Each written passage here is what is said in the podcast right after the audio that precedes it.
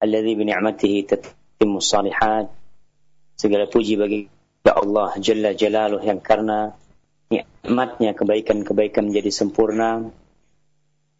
Yang karena rahmatnya niat-niat baik hamba dapat terlaksana. Allahumma salli wa sallim wa zid wa barik wa an'im ala abdika wa rasulika habibina wa nabiyina Muhammad. Ya Allah, semoga salawatmu, semoga salam rahmatmu senantiasa kau tambahkan untuk hamba kekasihmu untuk Nabi kita Muhammad sallallahu alaihi wasallam dan untuk keluarga beliau serta orang-orang yang beliau cintai, para sahabatnya dan siapa pun dari mereka yang menetapi jalan Rasulullah sallallahu alaihi wasallam. Amma ba'd. Pendengar Radio Raja dan Radio Sunnah yang lainnya, Allah Semoga Allah senantiasa melimpahkan rahmatnya kepada kita dan semoga amal kita pada hari Senin ini dapat oleh Allah dan diampuni dosa-dosa kita. Kita akan melanjutkan kajian kita dari kitab Al-Adabul Mufrad yang ditulis oleh Al-Imam Bukhari. Kita telah sampai kepada bab nomor 40, yakni bab dal qaum min anfusihim, bab yang artinya maula suatu kaum adalah termasuk dari golongan mereka. Kita sudah menjelaskan bahwasanya makna maula itu bermakna mantan budak yang dibebaskan bisa bermakna satu kelompok yang ada perjanjian di antara mereka seperti umpamanya kabilah Khuza'ah itu bersekutu dengan kabilah Quraisy maka mereka disebut maula Quraisy atau yang seperti itu. Al-Imam Bukhari mengatakan di sini, qala haddatsana Amr bin Khalid telah mengajarkan kepada kami Amr bin Khalid dia berkata haddatsana Zuhair telah mengajarkan kepada kami Zuhair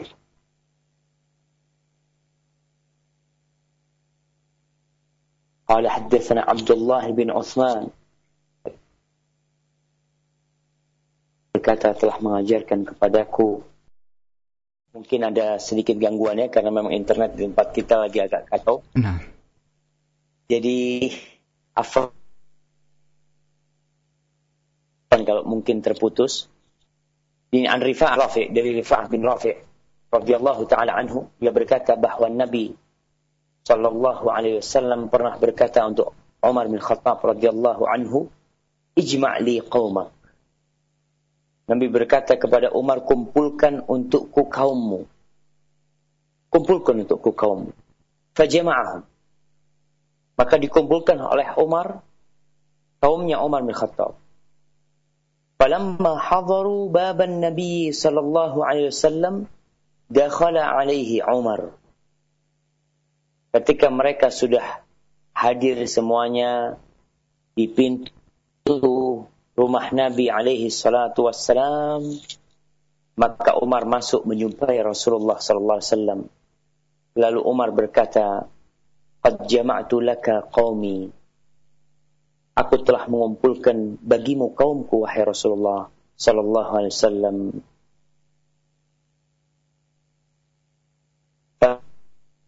فسمع ذلك الأنصار فقالوا قد نزل في قريش الوحي orang-orang Ansar mendengar adanya perkumpulan untuk orang-orang Quraisy.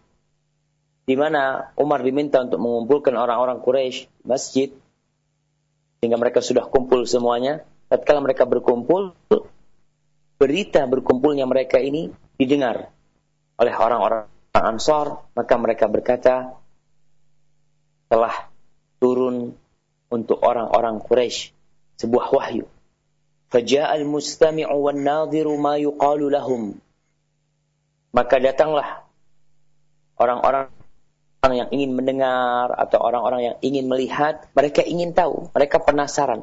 Kira-kira wahyu apa yang turun untuk mereka? Apa yang bakal dikatakan kepada mereka? Fakharaja Nabi sallallahu alaihi wasallam faqama baina adhurihim. Maka Rasul sallallahu alaihi wasallam keluar dari rumahnya menyumpai mereka. Lalu beliau berdiri di hadapan mereka dan berkata, Hal fikum min ghairikum? Apakah ada di tengah-tengah kalian yang selain dari kelompok kalian? Selain dari kaum kalian? Qalu na'am. Iya Rasulullah, ada. Fina halifuna, wabnu ukhtina, wa mawalina. Di tengah-tengah kami ini ada sekutu-sekutu kami. yakni mereka yang ada perjanjian dengan kami. Wabnu ukhtina. Dan di tengah-tengah kami ini juga ada anak saudari kami. Dan artian anak saudari, umpamanya anak kakak kita, anak adik perempuan kita, dia kan nasabnya ikut bapaknya, tidak ikut ibunya. Maka disebutkan di sini ada di tengah-tengah kami ini anak saudari perempuan kami wa mawalina dan maula maula kami. Qala Nabi sallallahu maka Rasul sallallahu berkata kepada mereka, halifuna min. Nah, mereka yang ada perjanjian dengan kita itu termasuk dari kita. Wabnu ukhtina minna dan saudara atau anak saudari perempuan kita adalah termasuk golongan kita. Wa mawalina minna dan maula-maula kami itu orang-orang dari budak-budak yang dibebaskan, mereka termasuk golongan kami wa antum tasma'un dan kalian dengarkan. Rasul SAW meminta kepada para sahabat yang berkumpul, khususnya orang-orang Quraisy agar mereka mendengarkan Inna awliya'i minkum al-muttaqun. Subhanallah. Rasul mengatakan sesungguhnya awliya'i yakni kekasih-kekasihku dari kalian adalah orang-orang yang bertakwa. Nabi mengingatkan kepada mereka, kepada kaum Quraisy, yang mereka adalah keluarga Nabi, yang mereka adalah satu kabilah sama Nabi, yang di antara mereka tentunya ada Ali bin Abu Talib yang sepupu adalah sepupu Nabi. Di antara mereka ada orang-orang yang memiliki hubungan kerabat dengan Nabi, ada Abbas tentunya, ada Ibnu Abbas, Nabi mengingatkan kepada mereka, sesungguhnya kekasih-kekasihku. Dari kalian adalah orang-orang yang bertakwa. Kita tahu dengan sabda Rasul sallallahu alaihi wasallam bahwa saya la fadla li arabiyyin ala a'jamin illa bittaqwa. Enggak ada keutamaan bagi orang Arab di atas orang ajam atau orang ajam lebih mulia dari orang Arab, orang kulit putih lebih mulia dari orang kulit hitam. Itu nggak ada tuh dalam agama Islam. Standar orang yang mulia, standar orang yang menjadi kekasih Nabi, bukanlah dilihat dari nasab. Bukanlah dilihat dari warna kulit bukanlah dilihat dari kegantengan wajahnya atau kecantikan rupanya. Tapi Rasulullah SAW menegaskan kepada mereka yang hadir, Inna awliya iminikum al-muttaqun. Sesungguhnya kekasih-kekasihku dari kalian adalah orang-orang yang bertakwa. Fa kuntum ulaik fadha. Kalau kalian orang-orang yang bertakwa, maka itulah yang diharapkan. Kalian adalah kekasih-kekasihku. Wa illa fanzuru. Tapi kalau tidak, maka kalian harus perhatikan. Lihatlah.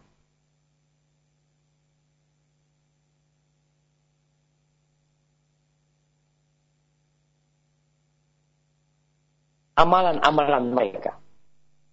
Mereka membawa amalan mereka karena mereka adalah orang-orang yang soleh. Kemudian kalian datang pada hari kiamat dengan dosa-dosa kalian. Fayu'rat ankum. Maka kalian akan dipalingkan dari kalian, nggak akan ditolak kalian. Subhanallah. Jadi terkadang ada sebagian orang yang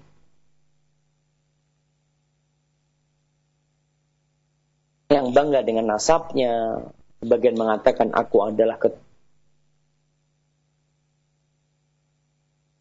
baik sama keluarganya, sama kerabatnya, tapi Nabi mengingatkan mereka, jangan sampai pada hari kali pada hari kiamat kalian bawa dosa, jangan orang-orang datang dengan amal solehnya. ada Kemudian Rasulullah SAW memanggil. Tapi perlu diingat sebelum dilanjutkan hadis ini. Nanti kita semua akan dibangkitkan dari kubur kita. Kemudian kita digiring ke padang mahsyar. Kemudian kita digiring terus menuju ke sirat jembatan yang ada di atas neraka jahanam. Wa in minkum illa wariduha. Semuanya akan melewati sirat. Akan melewati jembatan itu.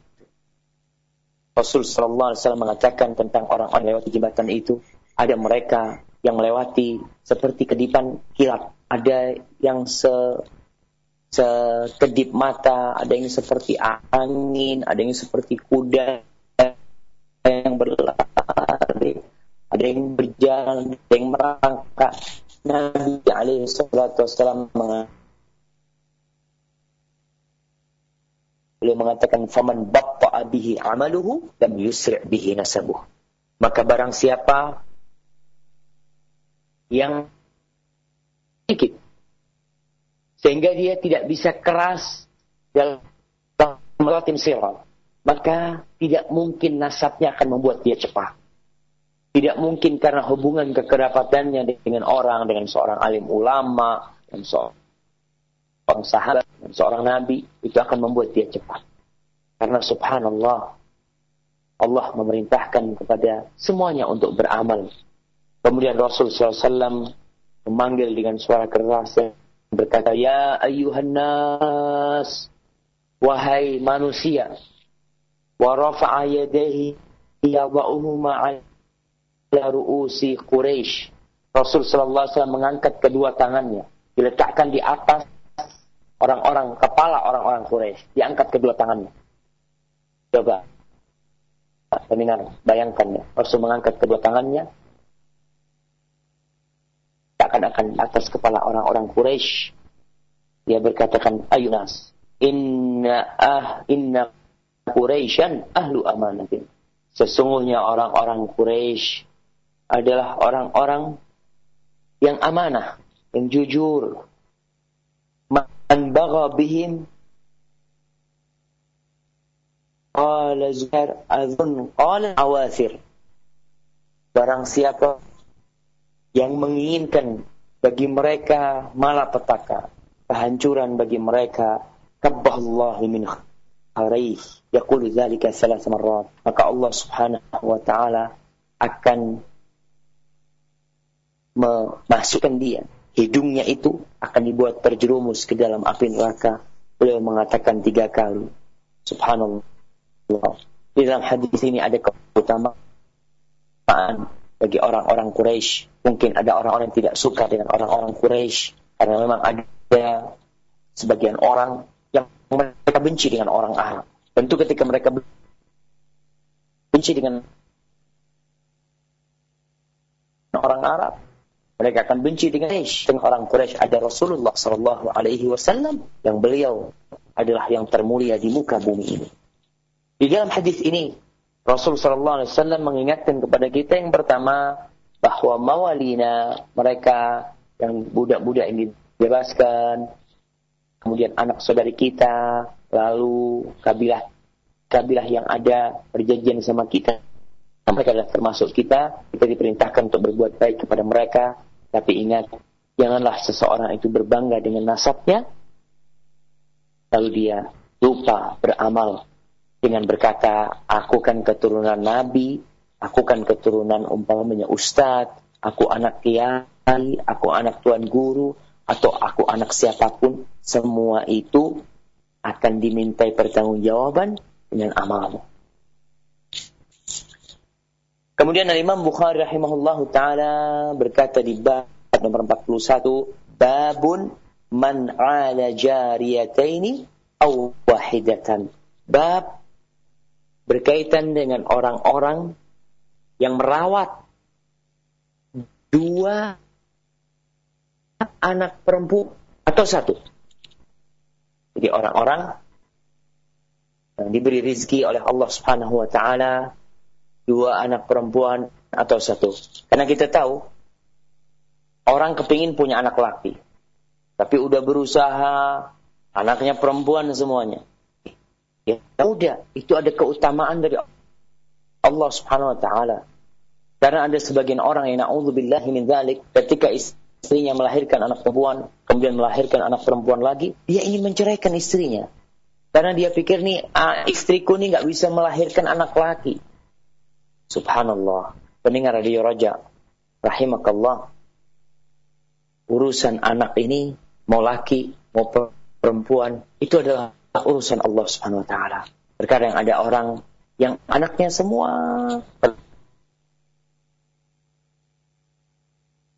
perempuan. Ada orang yang semua laki, pada pingin perempuan, tapi nggak bisa. Karena memang itu urusan sang pencipta Allah subhanahu wa ta'ala. Dan tugas kita adalah bersyukur. Kita lihat, ternyata orang yang anaknya perempuan, dan anak perempuan itu, baik satu atau dua, sampai anak itu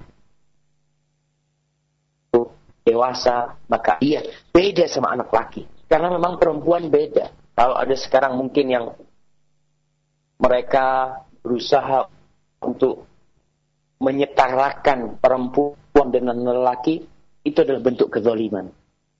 Apalagi yang melakukan itu seorang perempuan ingin disetarakan dengan lelaki, nggak mungkin bisa. Sampai kapan pun, sampai kiamat yang akan hamil itu perempuan. Iya kalau urusan hamil memang nggak bisa. Oke, yang akan menyusui perempuan. Iya, nyus karena memang perempuan yang punya air susu. Oh, yang bisa sabar menghadapi anak-anak itu perempuan. Itulah kelebihan yang Allah berikan kepada seorang ibu.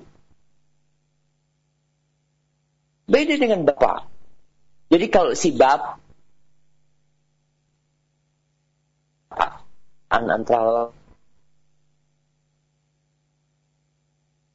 laki dan perempuan, suami istri punya anak satu gantian si suaminya kerja umpamanya sebagai supir bajai.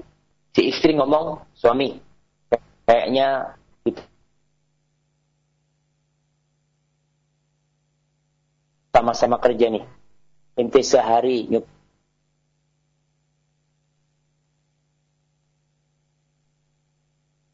Ya, menjadi besar itu anak ketika di rumah yang merawat bapaknya, yang gendong bapak, hanya umpamanya kita tahu laki-laki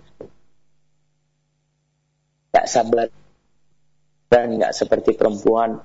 Di sini Rasul Shallallahu Alaihi Wasallam bersabda, Bukhari Hadith Abdullah bin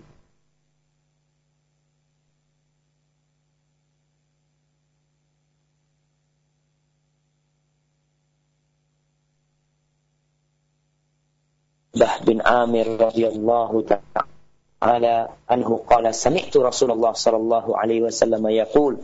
Mendengar Rasulullah sallallahu alaihi wasallam bersabda apa sabda Nabi? Man kana lahu thalathu banatin wa sabara alaihinna wa kasahunna min jidatihi kunna lahu hijaban minan nar subhanallah. Kata Nabi barang siapa yang memiliki tiga anak perempuan. Wasabara alaihinna. Dan dia bersabar merawat itu anak perempuan. Kita tahu di masa jahiliyah perempuan itu nggak ada harganya.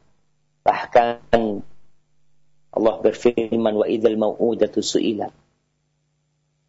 Ketika bayi-bayi perempuan yang dikubur hidup-hidup itu akan ditanya. Nah, di masa itu, orang-orang yang hidup di jahiliyah, mereka berpendapat bahwa wanita adalah aib. Adalah celaan. Orang yang punya anak perempuan itu, seakan-akan perempuan itu tidak ada gunanya. Mereka lupa bahwa ibunda mereka adalah perempuan. Nenek mereka adalah perempuan. Ibu nenek mereka adalah perempuan kalau tidak ada perempuan, mereka tidak akan hadir di muka bumi.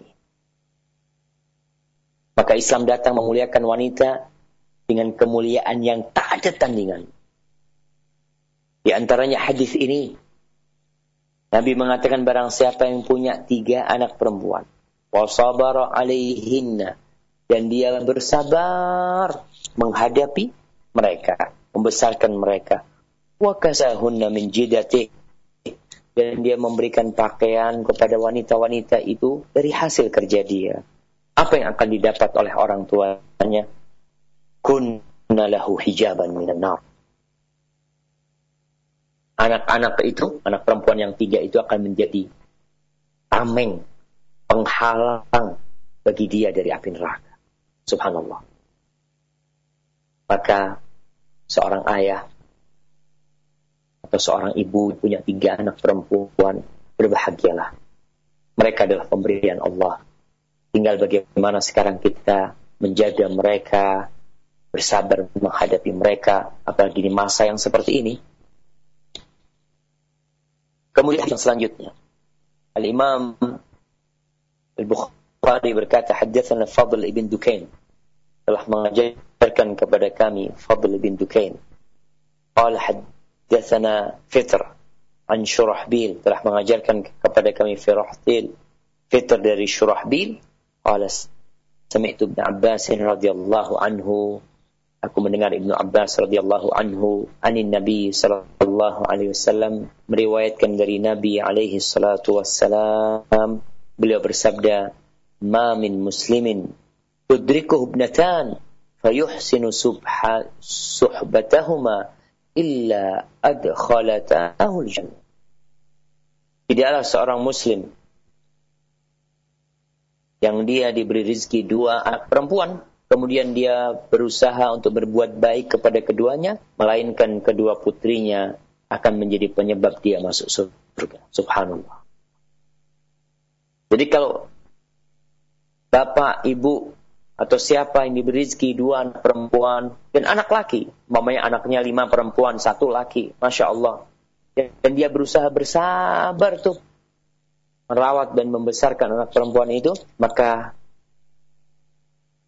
anak perempuan itu adalah tiket untuk masuk surga dia. Dengan syarat bersabar dan berbuat baik kepada mereka.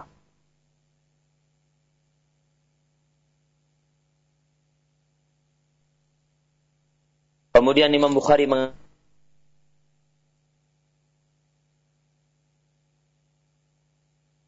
Ibn Zaid. Qala haddathani Ali ibn Zaid. Dia berkata telah mengajarkan kepadaku Ali bin Zaid. Qala haddathani Muhammad ibn Munkadir. Telah mengajarkan kepadaku Muhammad ibn Munkadir. Anna Jabir ibn Abdullah Bahwa Jabir bin Abdullah haddatsahum mengajarkan kepada mereka dia berkata qala Rasulullah sallallahu alaihi wasallam telah bersabda Rasulullah sallallahu alaihi wasallam man kana lahu thalathu banatin yu'wihunna wa yakfihunna wa yarhamuhunna faqad wajabat lahu al-jannah فقال رجل من القوم وثنتين يا رسول الله قال وثنتين Subhanallah. Di mana Rasul sallallahu alaihi wasallam mengangkat derajat wanita. Menjadikan mereka tiket masuk surga bagi orang-orang yang merawat mereka. Rasul mengatakan barang siapa yang memiliki tiga anak perempuan. Dia mengayomi mereka, mencukupi mereka, mengasihi mereka, fakat wajabat lahul jannah. Maka albattah, maka sudah wajib bagi dia untuk masuk surga. Subhanallah jemaah. Tapi syaratnya sabar tuh. Faqala rajulun min ba'dil qaum berkata telah seseorang dari yang hadir di situ wasintain kalau dua gimana Rasul? Kalau anaknya itu dua, ya Rasulullah, kalau wasintain dua pun akan masuk surga orang. Pendengar Radio Raja rahimakallah, para muslim mana pun engkau berada semoga Allah merahmati. Ia benar-benar sebagai pelajaran penting bagi orang tua. Karena biasanya nih orang tua kalau punya anak perempuan itu susah. Apalagi kalau anak perempuannya nggak ada yang bawa, nggak punya pacar. Bingung tuh orang tuanya. Nah, itu perempuan bisa jadi tameng bagi orang tuanya dari api neraka dan menjadi tiket untuk masuk surga kalau dirawat dengan benar, dididik dengan la ilaha illallah dan dengan syariat Islam. Tapi kalau dibiarkan melakukan dosa, bahkan orang tuanya menyuruh anaknya melakukan dosa, membiarkannya melakukan perbuatan-perbuatan yang dimurkain Allah Subhanahu wa taala, maka dia akan narik orang tuanya ke dalam api neraka. Baik itu. Kemudian Al-Imam Bukhari melanjutkan kepada bab yang selanjutnya itu babun man ada salah akhwatin. Barang siapa yang menanggung tiga saudari perempuan. Nah, kalau di hadis yang sebelumnya di bab sebelumnya itu anak perempuan, sekarang gimana? Kalau orang tuanya udah meninggal, tapi ada kakaknya yang menanggung tuh adik-adik atau kakak perempuannya. Imam Bukhari menyebutkan keutamaan bagi mereka melalui hadis-hadis Rasul sallallahu alaihi wasallam. Beliau mengatakan Haddatsana Abdul Aziz bin Abdullah telah mengajarkan kepada kami Abdul Aziz bin Abdullah. Dia berkata Haddatsani Abdul Aziz bin Muhammad telah mengajarkan kepada kami Abdul Aziz bin Muhammad. Lihat nama murid dan gurunya sama Abdul Aziz. An Suhail ibn Abi Saleh. Dari Suhail bin Abi Saleh an Sa'id bin Abdurrahman bin Muhammad dari Sa'id bin Abdurrahman bin Mukammil an Ayyub bin Bashir al-Ma'awi dari Ayyub bin Bashir al-Ma'awi an Abi Sa'id al-Khudri radhiyallahu taala anhu dari Abu Sa'id al-Khudri radhiyallahu taala anhu Abu Sa'id al-Khudri ini adalah sahabat Nabi yang dikenal dengan kunyahnya sehingga dia namanya banyak yang tidak tahu padahal namanya adalah Sa'ad. Abu Sa'id namanya Sa'ad bin Malik bin Sinan. Dia sosok sahabat yang gigih berjuang di jalan Allah. Ketika perang Uhud dia mau perang tapi sama Nabi ditolak karena melihat umurnya masih kecil. Namun setelah itu dia berusaha untuk mengikuti peperangan-peperangan yang diikuti oleh Rasulullah Sallallahu Alaihi Wasallam ayahnya meninggal ketika perang Uhud. Ayahnya meninggal ketika perang Uhud. Jadi ketika perang Badar dia nggak ikut. Perang Uhud dia juga nggak ikut karena dia masih kecil umurnya. Ternyata ayahnya meninggal ketika perang Uhud wa tarakahu bighairi malin. Dan Abu Sa'id ditinggalkan tanpa harta. Masya Allah. Gimana nih? Bapaknya meninggal. Dia nggak punya harta. Miskin. Nah, siapa yang berusaha mencukupkan dirinya, maka Allah akan mencukupi dia. Tuh, barang siapa yang berusaha untuk mencukupi dirinya, Allah akan mencukupi dirinya. Dan barang siapa yang berusaha untuk menjaga kehormatan dirinya, Allah akan menjaga kehormatan. Ketika mendengar hadis itu, Abu Sa'id nggak jadi curhat. Abu Sa'id langsung balik. Dan begitulah seorang muslim yang, yang yakin dengan pertolongan Allah.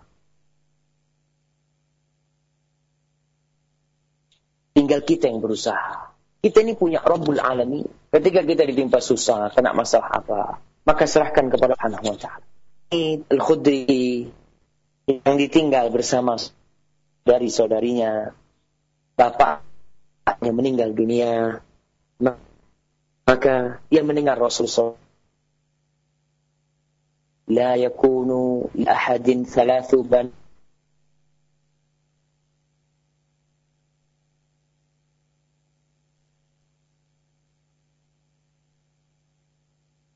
perempuan atau tiga saudari perempuan kemudian dia berbuat baik kepada mereka, melainkan dia akan masuk surga. Subhanallah. Jadi kalau ada orang-orang yang ditinggal mati oleh orang tuanya, kemudian menanggung keluarganya, di situ ada perempuan-perempuan, maka berusahalah untuk mensyukuri nikmat Allah itu dengan bersabar dan menjadikan mereka tiket untuk masuk ke surga Allah Subhanahu wa taala. Kemudian bab yang nomor 43. Bab ini judulnya babun fadlu man ala ibnatahu al-mardudah. Bab keutamaan orang tua berpikir merawat janda itu ya Allah kata dia. Susah. Baik janda ditinggal mati kecuali janda kaya. Orang tuanya mungkin suka karena si anaknya bawa duit. Tapi gimana kalau ternyata suaminya itu miskin, kemudian meninggal suaminya, lalu si perempuan ini balik ke orang tuanya. Bawa anak, gak bawa harta.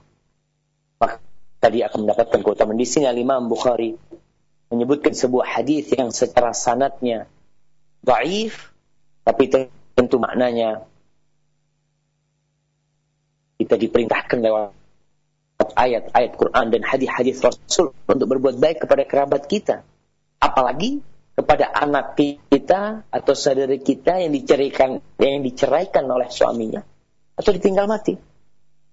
Imam Bukhari mengatakan haddatsana Abdullah bin Saleh dia berkata haddatsani Musa ibn Ali an abihi dari ayahnya anna Nabi sallallahu alaihi wasallam qala li Suraqah ibn Ju'shum bahwa Rasul sallallahu alaihi wasallam berkata kepada Suraqah bin Ju'shum ala adulluka ala a'zami sadaqah? Wa min a'zami sadaqah?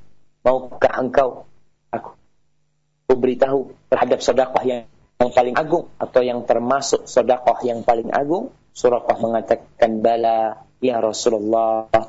Nabi mengatakan ibnatuka mardudatun ilaika islah kasibun ghairuka anak perempuanmu yang dikembalikan kepadamu yang dia tidak punya penghasilan. Tidak ada yang menanggung dia kecuali engkau. Hadis ini ingat secara sanadnya dhaif. Kemudian hadis yang selanjutnya sama sanad ini dhaif. Bukhari mengatakan haddatsana Bishr qala akhbarana Abdullah telah mengajarkan kepada kami Abdullah. Qala akhbarana Musa. Qala sami'tu abi. Musa mengatakan aku mendengar ayahku meriwayatkan dari Suraqah bin Ju'shum anna Rasulullah SAW qala ya Suraqah mithlahu. Ay Suraqah yang seperti hadis yang sebelumnya. Tapi ingat secara sanad hadis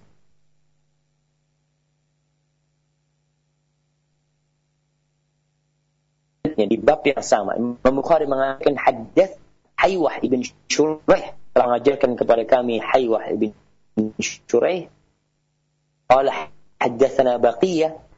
Telah mengajarkan kepada kami Baqiyah an Bahir dari Bahir an Khalid dari Khalid an Al-Miqdam ibn Ma'di Karibah dari sahabat Nabi yang bernama Mi'dam Miqdam ibn Ma'di Karibah annahu sami'a Rasulullah sallallahu alaihi wasallam yaqul bahwa dia mendengar Rasulullah sallallahu alaihi wasallam bersabda ma anta nafsaka fahuwa laka sadaqah ma'at amta waladak, ma'at amta nafsak, yang kau makan untuk dirimu sendiri itu jadi sedekah buat engkau, subhanallah. Wa ma'at amta waladaka fahuwa laka sadaqah. Makanan yang kau berikan kepada anakmu itu sedekah buat engkau. Subhanallah. Anak Ketika kita ngasih makan anak itu jadi sedekah, dihitung sedekah. Orang tua berbuat baik kepada anaknya. Begitu pula kepada anak yang diceraikan oleh suaminya, yang balik dia nggak punya siapa-siapa, apalagi statusnya seorang janda. Maka orang tua ketika anaknya bercerai, terimalah anaknya dengan kedua tangan. Umpamanya kesalahan itu dari anaknya sehingga terjadi perceraian. Tapi jangan dibiarkan. Karena kita melihat banyaknya wanita-wanita yang jadi wanita nakal. Banyak di antara mereka adalah janda-janda yang mereka tidak diterima oleh keluarga, yang mereka tidak diperhatikan oleh orang tuanya, yang tatkala anak itu balik seakan-akan bapaknya atau ibunya mendapatkan beban yang besar. Sehingga anaknya ini berangkat menjadi TKW, entah berangkat merantau ke mana anak perempuannya, dan dia tidak tahu jadi apa itu anak. Padahal orang tuanya punya tanggung jawab. Kalau orang tua ngasih makanan itu jadi sedekah.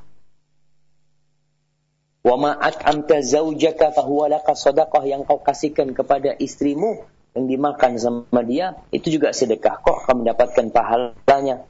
Wa ma'at amta khadimaka fahuwa laka sadaqah yang kau berikan kepada pembantumu makanan, maka itu akan menjadi sedekah buat engkau. Di sini ma'asyiral muslimin, kita berbuat kebajikan. Kita berbuat tugas kita yang seharusnya kita lakukan. Kalau kita niat untuk mendapatkan pahala akan dikasih pahala. Kalau kita ridho ketika memberikan, tidak dengan hati yang penuh dengan kedengkian, maka insya Allah itu akan dihitung sedekah dan kita akan mendapatkan pahala dari Allah Subhanahu wa taala. Jadi kembali kepada permasalahan bab ini yaitu merawat, menanggung anak yang diceraikan oleh suaminya atau anak yang ditinggal mati oleh suaminya itu akan mendapatkan pahala sedekah dan kita juga akan mendapatkan ganti dari Allah yang lebih besar kalau kita memberikan itu dengan niat ikhlas lillahi taala mengharapkan ridhonya. Wallahu a'lam. Mungkin kita cukupkan kajian kitab ini sampai di sini. Kita masuk kepada bab tanya jawab. Kami kembalikan kepada uh, Al-Akhfawas di studio. Tafadhal.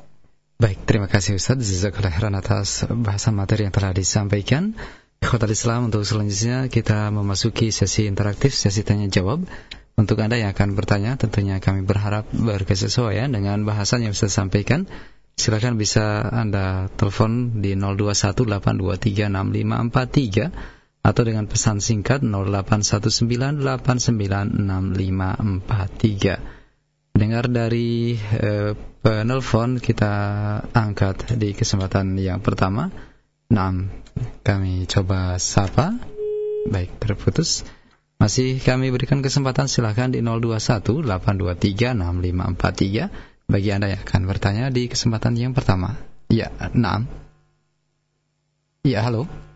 Halo, Assalamualaikum warahmatullahi wabarakatuh. Waalaikumsalam warahmatullahi wabarakatuh. Silakan dari mana, Bu? Ya, dari Ibu Nur Dair. Silakan, Bu, ke pertanyaannya. Ya, Assalamualaikum Ustaz. Uh, begini, Waalaikumsalam. Terputus, mohon maaf, uh, kami uh, mengalami enam koneksi yang terputus dari telepon Ibu Nur di air teris tadi. Silakan untuk di kesempatan yang pertama 0218236543 kami coba sapa kembali. Ya, halo. Assalamualaikum. Waalaikumsalam warahmatullahi wabarakatuh. Silakan dari mana? Abu Misan. Ya, silakan Pak ke pertanyaannya. Terima kasih. Assalamualaikum. Waalaikumsalam warahmatullahi Tadi menyinggung masalah Waalaikumsalam warahmatullahi ya masalah surat Pak Yang menjadi pertanyaan ada surat Al-Hijr ayat 47. Dan kami Al-Hijr ayat berapa, Pak? Al-Hijr ayat 47. Iya. Dan kami mengatakan segala rasa juga yang berada dalam mereka. Sedang mereka merasa bersandaran hidup berhadap kehidupan. Nah di sini saya ya di sini ada khusus. Halo halo. Pak Ya. Abu Mizan, suaranya terputus-putus Bapak. Iya ya di sini kami ada khusus. Halo?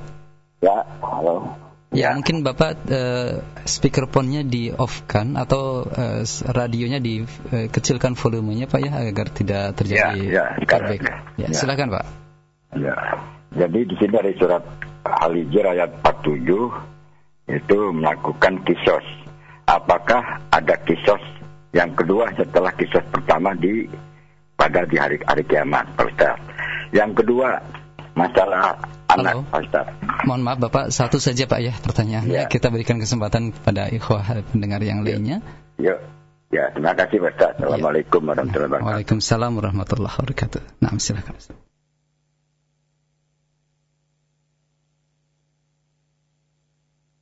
Ya, nah, Ustaz.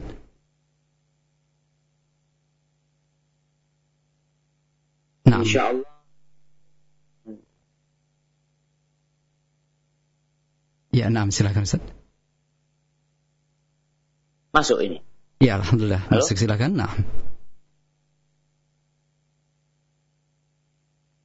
Nah, silakan Ustaz. Mereka yang melakukan tindakan dosa yang ada hukum pidananya di dunia ini, mereka ya, yang bukan dosa yang ada pidananya di dunia ini seperti dipotong tangannya, seorang pencuri, seperti seorang yang membunuh kemudian dibunuh, apakah kelak di akhirat dia masih akan dihukum kembali, dikisos kembali umpamanya karena dia pernah memukul, dia bakal dipukul lagi. Di dunia sudah dikisos. Dengan izin Allah SWT, mereka yang sudah dihukum kisos di dunia, itu akan jadi meringankan dosa dia. Kalau dia bertobat. Tapi ada orang-orang yang bangga dengan dosanya. Umumnya dia membunuh. Dia bangga. Walaupun dia dibunuh, nggak apa-apa. Panah dibunuh nih. Penting anak sudah puas. Maka yang seperti ini, orang-orang yang bangga dengan dosanya, dia tidak bertobat pada Allah SWT, maka akan berada di dalam ancaman yang sangat besar akan mendapatkan azab Allah khususnya dalam masalah-masalah pembunuhan seperti itu. Wallahu a'lam bishawab. Baik, terima kasih atas jawaban yang disampaikan demikian Pak Abu Mizan di Jakarta. Kita masih berikan kesempatan satu penelpon berikutnya di 0218236543. Kami persilakan. Nah, di 0218236543 kami coba sapa kembali. Baik, terputus. Kami angkat pertanyaan yang datang dari pendengar kita, seorang ibu di uh, Karawang. Nah, Assalamualaikum warahmatullahi wabarakatuh. Ustadz, bagaimanakah kalau kami hanya memiliki satu anak perempuan saja? Apakah masuk ke dalam uh, penjelasan hadis yang tadi Ustadz sampaikan? Dan bagaimana pula kalau anak laki-laki semua? Apakah ada uh, keutamaan secara khusus? karena begitu besar juga tanggung jawab yang dipikul oleh orang tua terhadap anak laki-lakinya. Terima kasih Ustaz. Nah, barakallahu fiik. Ya, ini pertanyaan yang sangat bagus sekali berkaitan dengan tema kita. Apakah kalau anaknya satu, itu anak perempuannya satu, anak itu menjadi halang buat orang tuanya dari api neraka sebagai tiket untuk surga buat orang tuanya. Insya Allah satu pun seperti itu. Karena dalam hadis Anas bin Malik yang insya Allah akan kita baca pada pekan yang akan datang, Anas itu mengatakan, ketika sahabat mengatakan dua ya Rasulullah, iya dua pun juga akan menjadi penghalang dari api neraka. Kemudian para sahabat diam tidak bertanya, sehingga disebutkan, wahai Anas, menurutmu gimana kalau satu Nabi akan mengatakan iya?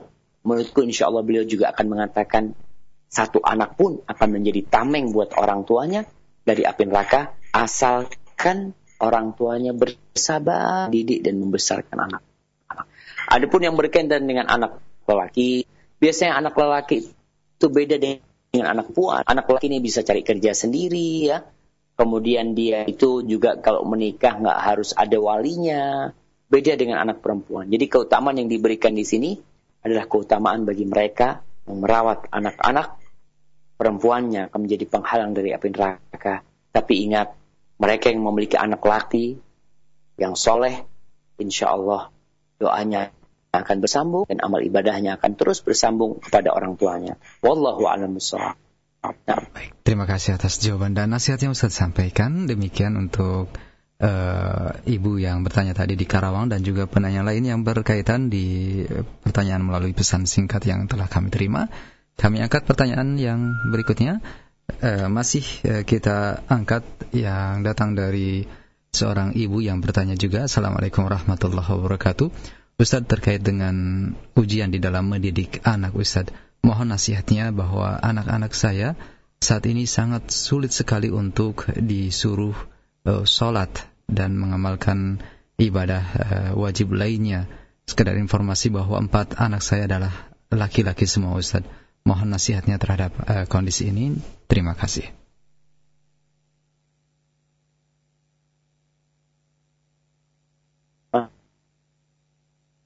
Nah, Ustaz bisa menyimak dengan baik? Ya, Barakallahu fiqh ini berkaitan dengan ibu yang memiliki anak laki empat dan anak-anaknya susah kalau disuruh sholat ya. Seperti itu. Akhwas ya? Iya, nah betul Ustaz bagaimana menghadapi mereka. Yang pertama, mendidik anak itu dari kecil. Kita dari dulu dikasih tahu pohon itu kalau masih kecil gampang diarahkan ya. Tapi kalau sudah gede udah berat ngarahkannya. Jadi terkadang ada kesalahan dari orang tua ketika anak-anaknya kecil nggak dididik dengan benar. Rasul Shallallahu Alaihi Wasallam mengatakan Muru auladakum bis li sabain. Suruh anakmu sholat itu mulai umur tujuh tahun. Disuruh sebelum tujuh tahun, diajak tetap. Jadi kalau anak kecil tuh sebelum tujuh tahun mungkin kalau disuruh dia nggak mau. Tapi diajak sama orang tuanya. Enak, yuk sholat samping ibu nih, umpamanya gitu. Karena dia masih kecil. Tapi setelah tujuh tahun itu disuruh. Dan kita lihat di Indonesia, kita lihat orang tua yang perhatian dengan akhirat anaknya itu sangat minim sekali. Contohnya ketika anaknya pas waktu sholat subuh itu nggak dibangunin sama orang tuanya. Padahal sudah umur tujuh tahun umpamanya. Tapi ketika sekolah, uh, masya Allah, dibangunin, bahkan diiming-imingi. Nah, kalau sekolah nanti ibu kasih hadiah ini, macam-macam. Untuk dunia bisa seperti itu. Untuk akhiratnya, nggak ada orang tuanya perhatian. Malah yang ada di pikirannya kesian, masih kecil. Oke, untuk sholat kita kesian karena dia masih kecil.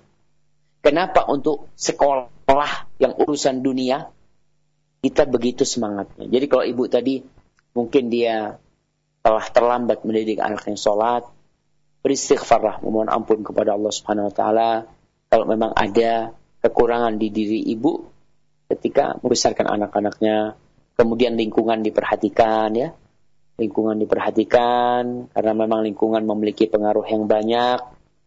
Lalu orang tua berusaha untuk duduk bersama anaknya, ngobrol bersama mereka, pendekatan secara dari hati ke hati. Mudah-mudahan dengan seperti itu anaknya sambil berdoa dibuka pintu hatinya. Sekali-kali diajak kajian atau ibu ngadakan kajian di rumahnya. Kemudian pengaruh teman sangat besar sekali. Wallahu a'lam bishawab. Ya. Baik, terima kasih Ustaz atas jawaban dan nasihatnya. Demikian untuk ibu yang bertanya tadi. Kita angkat berikutnya dari telepon yang telah kami terima Pak Wahyu di Bekasi. Silakan. Assalamualaikum warahmatullahi wabarakatuh Ustaz. Waalaikumsalam warahmatullahi wabarakatuh. Uh, saya ingin tanya Mbak Ustaz. Uh, selama ini kan kalau setelah subuh nih ngebangunin anak suka susah Ustaz. Katakanlah yeah. bangun nanti dia tidur lagi, yeah. bangun tidur lagi gitu Ustaz. Nah sementara kalau kita tinggal, kita kalau tinggal ke masjid gitu ya, anaknya akan masih tidur. Iya. Nah kalau kita bangunkan terus, kita akan masbuk. Iya. Lebih baik yang mana eh, dari dua solusi itu Pak iya. Terima, Terima kasih. kasih. Assalamualaikum warahmatullahi wabarakatuh. Waalaikumsalam warahmatullahi Terima kasih Pak Waalaikumsalam warahmatullahi wabarakatuh. Ini sama ceritanya sama anak kayaknya nih ceritanya Pak Wahyu nih. Nah. Kita ini semua anak-anak subhanallah ya. Anak-anak itu macam-macam. Ada yang dibangunin langsung bangun. Tapi ada yang dibangunin, kita tungguin ya sampai masbuk hampir tiap hari mas bukan gara-gara kandung anak. Terus gimana nih caranya? Ya berusaha untuk membangunkan anak sebelum subuh. Karena memang anak itu kalau dibangunin langsung, mamanya kita bangunin pas udah mau komat. Tentu butuh waktu membangunkan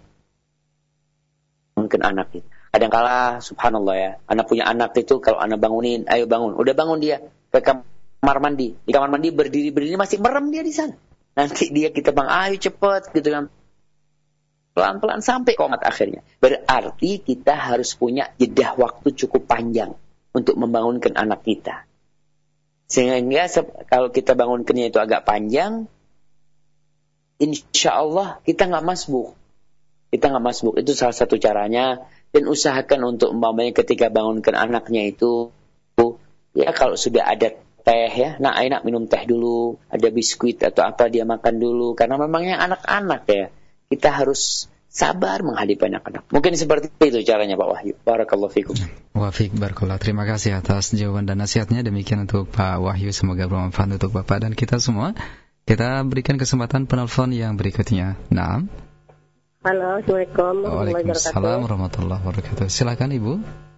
Ya, dengan Ibu Nur DRT. Ya, silakan. Alhamdulillah tersambung uh, kembali. Assalamualaikum Ustaz. Begini Ustaz, sekemampuan kita, kita telah mendidik anak itu ke jalan yang benar. Umpamanya untuk disekolahkan di sekolah yang sunnah. Tetapi setelah ia berangkat dewasa dan telah berumah tangga, dia tetap uh, terselengkan dengan agama Ustaz Nah, seperti apa betul tanggung jawab kita sebagai orang tua itu nanti di hadapan Allah Ustaz. Padahal kita sudah berusaha kemampuan kita. Iya. Jazakumullah khair. Assalamualaikum warahmatullahi wabarakatuh. Waalaikumsalam warahmatullahi wabarakatuh. Silakan Ustaz. Ya, barakallahu fiik ya. Kita ini semua mengharap Ibu tadi bertanya gimana kalau kita udah didik anak kita dengan benar ya, dirikan sholat, ketika dia dewasa menikah, ternyata dia berubah umpamanya. Gitu kan, Akhwas? Iya, nah demikian Ustaz. Terus gimana Ustaz? Apa kita akan diminta pertanggungjawaban oleh Allah SWT? Nah, semua akan ditanya. Semua akan ditanya oleh Allah Subhanahu wa taala. "Wa may ya'mal mithqala dzarratin khairan yarah, wa may ya'mal mithqala dzarratin syarran yarah." Semua akan ditanya, tapi kita akan bisa menjawab kalau memang benar yang kita lakukan. Kita sudah mendidik ya Allah. Allah tahu bahwa kita sudah mendidik dengan benar dan kita sudah mendoakan mereka. Kita pun juga berusaha untuk mencari menantu yang solehah. Maka dengan seperti itu, Allah akan menerima uzur kita kalau memang kita sudah berusaha. Tapi kalau kita nggak berusaha, di situ ada kesalahan dari orang tuanya, dari ibunya mungkin, maka ibunya akan mempertanggungjawabkan.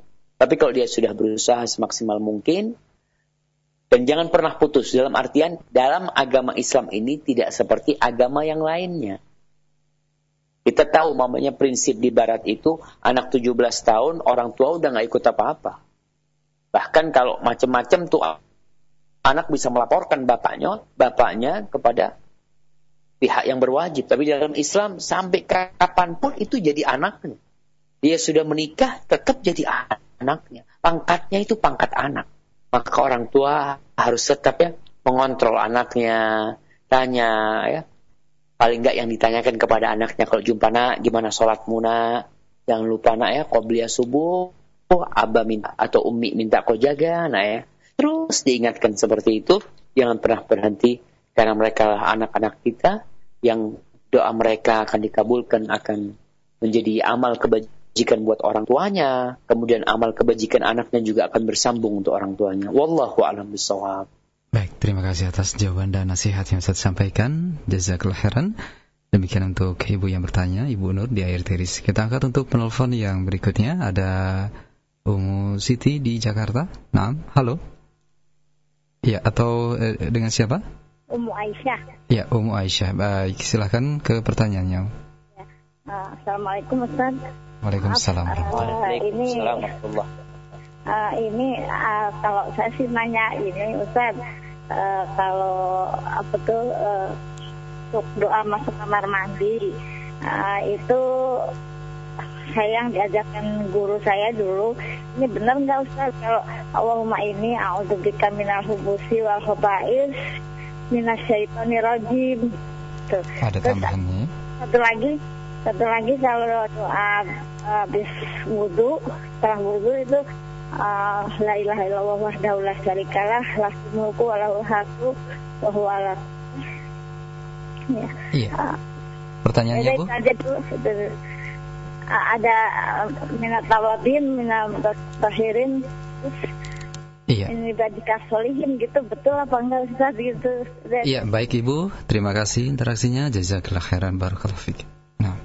Iya, ya, barakallahu fik berkaitan dengan doa masuk kamar mandi ini penting ya. Penting Ibu mengingatkan kita juga kita bagaimana hmm. mendidik hmm. anak kita supaya dijauhkan dari setan. Setan ini enggak pernah berhenti godain kita. Mau makan dia ikut makan. Kita masuk rumah dia mau masuk rumah kita juga. Maka dengan kita berzikir kepada Allah Subhanahu wa taala itu akan menjadi benteng buat kita yang menyelamatkan kita dari godaan setan.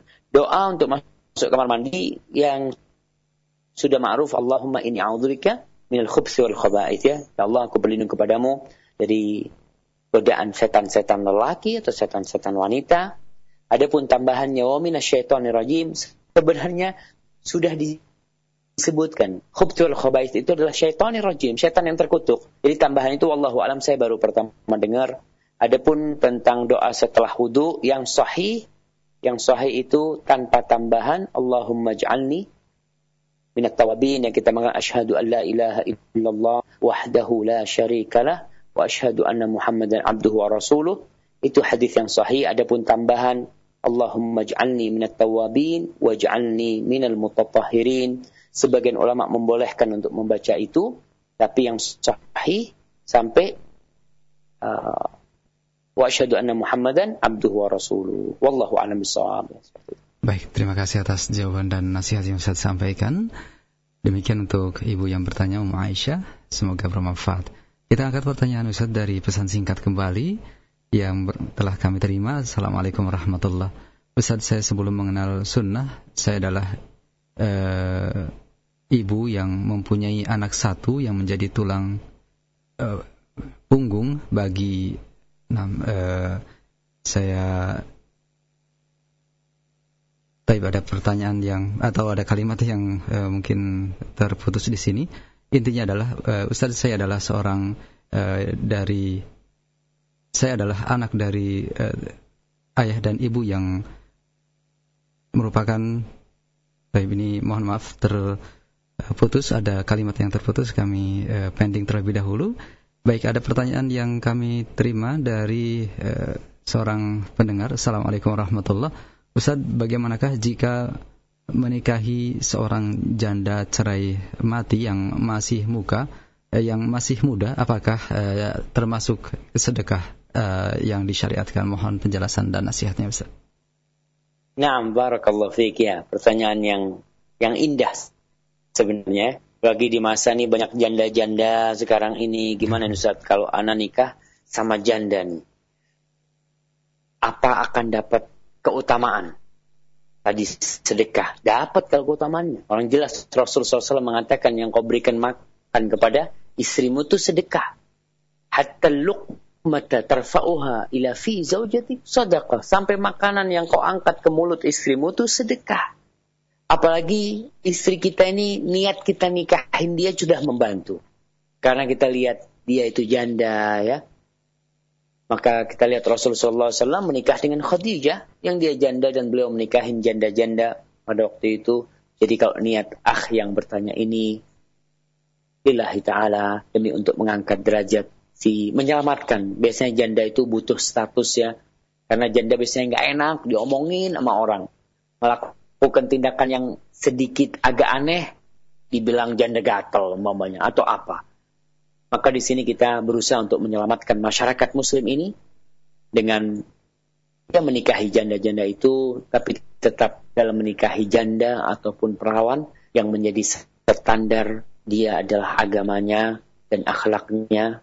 Kalau agamanya baik dan akhlaknya mulia tafadhal. Ahlan wa sahlan. Barakallahu fikum Baik, terima kasih kami ucapkan jazakallah khairan atas uh, jawaban dan nasihat yang saya sampaikan.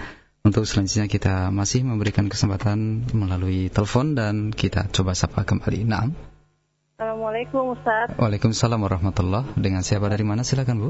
Dari Umu Hanifah di Depok. Ya, silakan Umu. Ini mau tanya bagaimana menjelaskan pada anak kita yang masih kecil, iya. yang perempuan ada hubungannya dengan doa. Itu kan yang saya pernah dengar yang soalnya Bismillah aja. Doa apa maksudnya doa makan? atau? Iya, uh, sedangkan teman-temannya ada baca doanya yang Allahumma barik lana dan seterusnya gitu. Jadi menjelaskan kepada anaknya itu bagaimana gitu, Ustaz. Iya, baik Ibu. Ya, Terima kasih gitu atas aja, interaksinya. Nah. Iya, Assalamualaikum. Waalaikumsalam warahmatullahi Waalaikumsalam warahmatullahi wabarakatuh. Nah, berkaitan dengan doa makan ini, kita ingat dari kecil dulu pun saya diajarin, insya Allah semuanya di sekolahan diajarin kalau doa makan itu Allahumma barik lana fima razaqtana wa qina adzabannar. Sebenarnya doa itu doa yang bagus. Kalau kita lihat Allahumma barik lana fima razaqtani Allah berikan berkah terhadap rizki yang kau berikan kepada kami dan jauhkan kami dari api neraka. Jangan sampai yang kita makan ini haram. Tapi kita sebagai umat Nabi Muhammad SAW, kita lihat Nabi itu yang dibaca yang itu apa cuma Bismillah. Jadi kalau kita tahu yang dibaca oleh Nabi Bismillah dan hadis tentang itu diriwayatkan oleh Ibnu Sunni dan Baif hadisnya umpamanya, ya kita berusaha untuk mengajarkan kepada anak kita dengan mengatakan enak baca Bismillah. Insya Allah kalau dia terbiasa, kita nggak perlu mengatakan sama dia jangan baca robba apa Allahumma barik lana. Nggak perlu kita melarang dia. Tapi yang perlu kita lakukan karena dia anak kecil membiasakan dia Bismillah. Ketika dia makan, nak baca Bismillah maka si anak-anak mengatakan akan membaca bismillah. Dengan seperti itu dia akan terlatih dan pelan-pelan kalau memang dia sudah bisa faham dengan penjelasan, baru dijelaskan. Karena anak kecil kan nggak faham dia mau hadis doif, mau hadis palsu. Orang dia anak kecil. Tapi yang harus kita lakukan adalah membiasakan dia dengan mengatakan, nak, kalau makan baca bismillah. Yuk bismillah dulu, mama seperti itu. Lalu setelah dia tumbuh besar dan faham, baru setelah itu kita dapat menjelaskan kepada dia Wallahu alam bisawab. Baik, terima kasih atas eh, jawaban dan nasihat yang bisa disampaikan. Kita angkat kembali pertanyaan yang datang dari pesan singkat dan saya bacakan kembali Ustaz pertanyaan dari pesan singkat yang tadi sempat terputus. Saya susun kembali kalimatnya agar lebih jelas. Assalamualaikum warahmatullahi wabarakatuh. Saya adalah seorang muslimah yang menjadi tulang punggung keluarga bagi bapak dan ibu serta tiga adik eh, saya. Saya menikah namun saya lebih uh, memilih untuk membiayai uh, orang tua dan tiga adik-adik saya. Kemudian kodarullah akhirnya orang tua meninggal, namun kemudian saya pun bercerai dengan suami. Bagaimanakah hukumnya Ustaz? Apakah saya berdosa atas pilihan saya tersebut? Mohon eh, pencerahannya dari Ibu Tri di Jakarta. Nah, barakallahu fiik ya. Apa yang terjadi? Itu sudah jadi catatan setiap yang hidup di muka bumi ini. Qadarullah masya'afa'al. Jadi ukhti yang bertanya bagaimana apakah dia berdosa tatkala dia lebih perhatian terhadap orang tuanya dan adik-adiknya yang dia menjadi tulang punggung bagi mereka. Seorang wanita yang menjadi tulang punggung keluarganya, tatkala dia menikah, maka di sini dia berhak untuk memberikan syarat kepada suaminya. Umpamanya dia ngomong, aku mau nikah sama engkau, tapi dengan syarat aku tetap bisa bekerja. Pekerjaan yang sesuai dengan syariat ya. Bisa bekerja karena aku harus membantu orang tuaku. Kalau suaminya nggak mau, mama nggak kok, kok menikah sama aku ya sudah. Kau sama aku aja nggak usah ngurus orang tuamu. Maka di sini wanita bisa menolak. Karena memang ada suami-suami yang merasa di nomor dua kan. Dia berpikir loh, kau itu kan istriku sekarang kau harus nurut sama aku. Tapi di sisi lain, si wanita memiliki orang tua yang sudah tua renta, kemudian punya adik-adik yang dia sebagai penanggung jawab mereka, maka dia berusaha untuk meminta keridhaan suaminya. Kalau suaminya ridho, ahlan wa sahlan. Kalau enggak, ya sudah. Berusaha mudah-mudahan Allah akan mengirimkan lelaki lain yang soleh yang akan menerima dia apa adanya. Kalau apa yang sudah terjadi tadi yang menimpa saudari kita, mudah-mudahan Jangan lupa untuk mengucapkan inna lillahi wa inna ilaihi raji'un. Allahumma ajurni fi musibati wa akhlif li khairan min. Ya Allah, berikanlah kepada aku pahala dari musibah yang diterima dan diberi ganti yang lebih baik dan kita doakan semoga ukhti kita putri ini diberi kesabaran dia dan keluarganya dan diberi ganti yang lebih baik insyaallah. Amin ya rabbal alamin. Amin. Terima kasih atas jawaban dan nasihat yang saya sampaikan. Kita angkat satu pertanyaan dari pesan singkat berikutnya dari Umu Fulanah di Bekasi. Assalamualaikum warahmatullahi wabarakatuh. apakah saya berdosa jika saya mencintai Allah melebihi suami saya? Apa yang harus saya lakukan untuk menumbuhkan cinta kepada suami? Karena saya sangat tersiksa akibat uh, kodolim, uh, akibat uh, kodoliman yang saya lakukan karena tidak mencintai suami saya. Mohon nasihatnya Ustaz. Naam barakallahu fiki. Berkaitan dengan cinta. Cinta ini hanya lima huruf.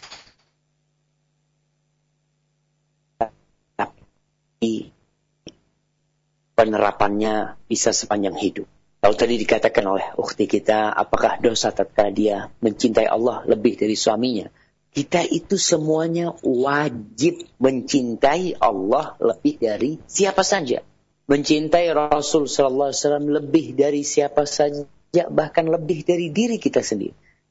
Cuma tadi yang dikatakan oleh penanya, kita nggak tahu gimana model kecintaan dia kepada Allah yang melebihi kecintaan kepada suaminya.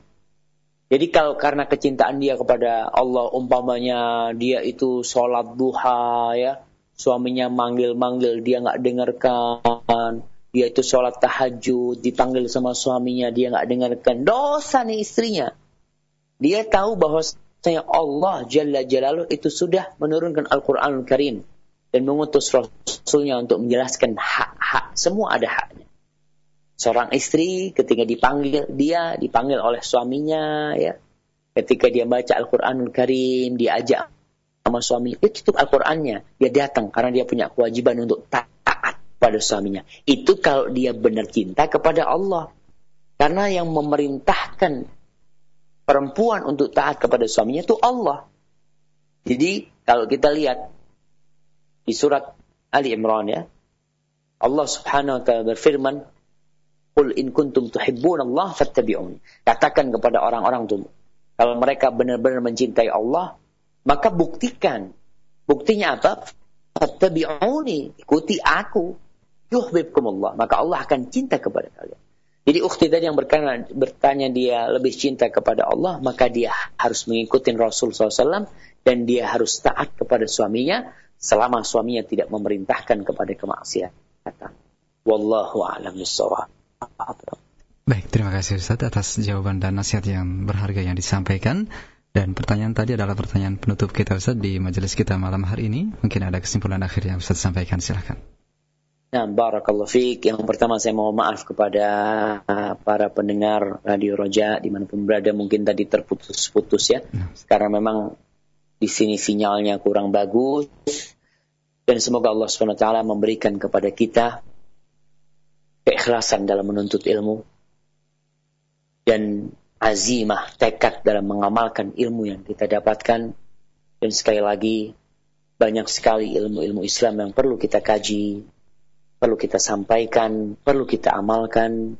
Dan urusan silaturahim ya, urusan membesarkan anak perempuan, merawat mereka mungkin adalah satu perbuatan yang yang berat bagi orang tua, tapi ingat kehidupan di muka bumi ini tidak lama. Di situ ada kematian yang akan menyelesaikan kehidupan kita di muka bumi ini. Kemudian ada surga Allah dan ada neraka Allah SWT. Kita berharap dengan perjuangan kita di muka bumi ini, Allah memberikan surganya dan kita doakan semua kaum muslimin, khususnya pemerintah kita, semoga dijaga oleh Allah Subhanahu wa taala, diberi taufik dan hidayah dan dapat menegakkan agama Allah dengan benar Kurang lebihnya saya mohon maaf. Assalamualaikum warahmatullahi wabarakatuh.